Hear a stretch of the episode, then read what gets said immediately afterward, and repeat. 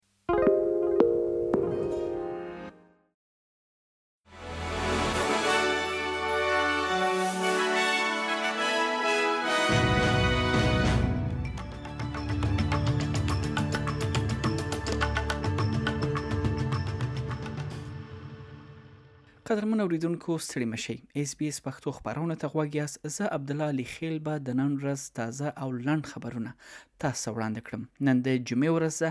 د اګست د میاشتې څلورمه نیټه چې یاده نیټه بیا د زمري د میاشتې له څوارلسمې نیټې سره سمون لري د پاکستان لومړي وزیر شهباز شریف ویلي دي راتلونکي چهارشنبې په ورځ د دغه هیواد پارلمان منحلوي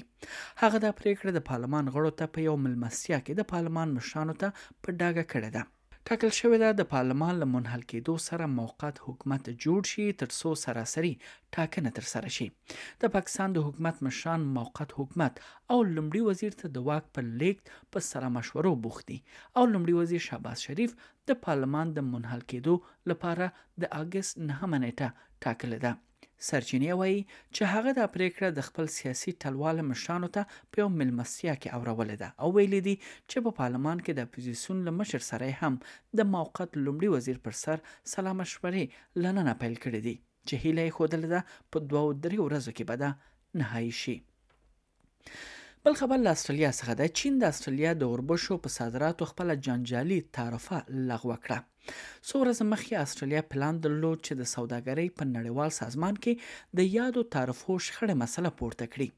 د چین سوداګرۍ وزارت د یوې اعلامیې په خبرولو سره ویلي دي چې په بازار کې د بدلونونو په نظر کې نیولو سره د تعرفو زیاتوالی نور اړین نه ګڼي د اسټرالیا سوداګرۍ وزیر ډان فیرل وویل چې د تعرفو لغوه کول د اسټرالیا حکومت خبرو اترو ته سکون او دوامدار چلند تصدیق یې کوي.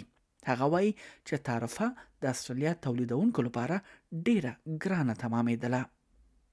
بل خبر هم له استرالیا څخه دی د استرالیا مرکزی بانک وایي چې تمه لري د استرالیا اقتصاد به د کال په پاتې نورو باقی میاشتو کې هم مطالع پاتې شي ځکه چې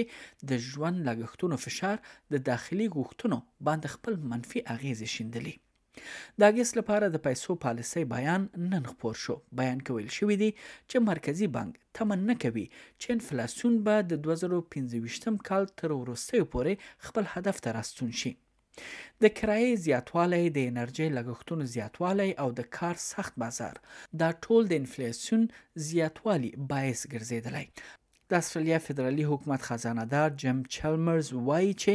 آر بي ای او د فدرالي خزانې څانګې تل دا تمه درلوده چې د استرالیا اقتصاد به د لوړې بیې او سود نرخونو ترکیب له امله د پام وړ ورو وده وکړي.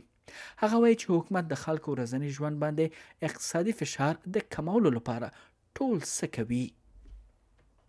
د پاکستان د بهرنیو چارو وزیر بلاول بوټو زرداری وړمه ورځ په اسلام آباد کې یوې غونډې ته په وینا پر مهال ګواښ وکړ چې که د افغانستان له خاورې څخه د پاکستان پر ضد د کیدونکو ترهګریزو بریدونو مخه ونه نیول شي نو پاکستان بیا دا اختیار لري چې په ترهګرو پسې افغانستان ته ننوځي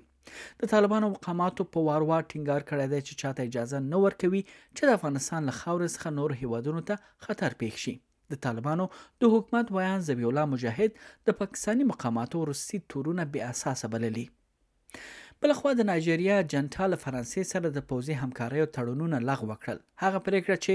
ځینې لیدونکي وایي په سیمه کې د اسلام پالو یاغیانو پر وړاندې مبارزه به په جدي توګه بدله کړي فرانسه په ناجیریا کې د زرو څخه تر یو زرو پنځه سوه سرتیري لري چې د القاعدې او اسلامي دولت سره د تړلو ډلو لخوا د یاغیانو په وړاندې مبارزه کې مرسته کوي کوم چې د لویدیځې افریقا ساحل دغه سیمه یې بې ثباته کړې ده. د جانټا استازی امادو ابدرمان وایي چې پاریس ته د دې معاملې په اړه دیپلوماتیک خبرتیا استول شوې ده خو د فرانسې د دفاع ویاند ډګروال پیر ګوډلر وایي، فرانسه لا دمخه فکر کاوه چې نظامي همکاري په ټپه درېدلې ده. او بل خبر دا چې کاناډا اعلان وکړ چې د دوه زره او دېرشم لپاره د کامن ویلت لوبو کوربه توب له چانس څخه دوی شاتګ کوي. د البرټا ولایت حکومت وايي چې دوی پرېکړه کړې ده چې د رسمي داوطلبۍ سپړنه ودروي ځکه چې لوبې به د کاناډا مالیه ورکوونکو لپاره خورا ګرانه وي او د لګښت اټکل شاوخوا دوه اعشاریه اته شپېته میلیارد ډالر ښودل شوی دی. د کامن ویلت سپورت کاناډا څانګه وایي دوی باور لري چې د دوه زره او شپږ ویشت م کامن ویلت لوبو کوربه توب لپاره د استرالیا ویکټوریا ایالت پرېکړه چې د لوبو کوربه توب څخه په شا شو له هغې وروسته یادې پرېکړې د کاناډا د البرټا ولایت حکومت هم اړ کړ چې د لګښتونو زیاتوالي له امله د کامن ویلت لوبو کوربه توب څخه په شا شي. دا و د نن ورځ خبرونه چې له ایس بي ایس پښتو خپرونې څخه تاسو ته وړاندې شول. لا ډېرو نورو مطالبو لپاره زموږ ویب پاڼه او فیسبوک پاڼه وڅارئ. تر بیا مو الله مل شه.